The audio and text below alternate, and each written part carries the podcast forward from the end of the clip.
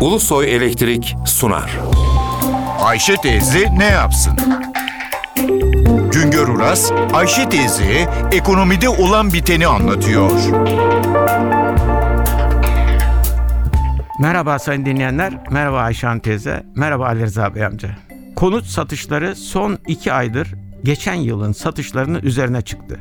Ocak ayından Temmuz ayına kadarki dönemde aylık konut satışları rakamları geçen yılın aylık satış rakamlarının gerisindeydi. Örneğin Temmuz ayında geçen yıl 105 bin konut satılmışken bu yıl satışlar 85 bine gerilemişti.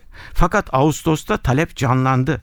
Canlılık Eylül'de de devam etti. Canlılık demek geçen yılın aylık satışlarının üzerinde satış demektir.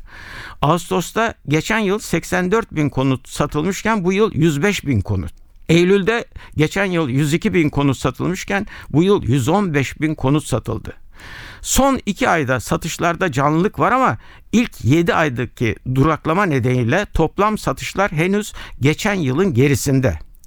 Bu yılın ilk 9 ayında satılan toplam 862 bin konutun %46'sı ilk el yani yeni. Kalanı ikinci el satış.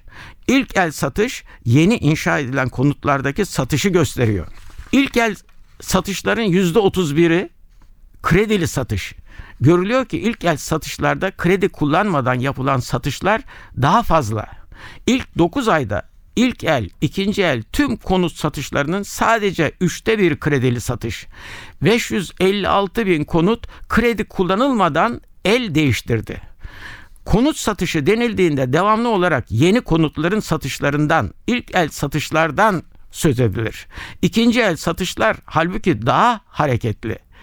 Toplam satışlarının %54'ünü ikinci el satışlar oluşturuyor. İlk 9 ayda görülen o ki ilk satış olsun, ikinci satış olsun toplamda kredi satışlar geçen yılın %23 gerisinde. Acaba son 2 ayda kredi satışlarda ve toplam satışlardaki canlanmanın arkasında ne var? Konut kredisi faizinde düşme bekleyenlerin faizin düşecek yerde artma eğilimine girmesi karşısında alıma geçtikleri söyleniyor. Enflasyon rüzgarında konut fiyatlarındaki artışın alım kararlarını etkilediği söyleniyor. Tasarruf sahiplerinin banka faizlerinin düşüklüğü, altın fiyatlarındaki dalgalanma nedeniyle tasarruflarını konuta yönlendirdikleri söyleniyor. Nedeni ne olursa olsun konut sektörü gene canlanmaya başladı. Önemli olan da bu. Bir başka söyleşide birlikte olmak ümidiyle şen ve esen kalınız sayın dinleyenler. Güngör Uras'a sormak istediklerinizi ntvradio.ntv.com.tr adresine yazabilirsiniz. Ulusoy Elektrik Profesör Doktor Güngör Uras'la Ayşe teyze ne yapsını sundu. Ulusoy Elektrik. Tüm enerjimiz enerjiniz için.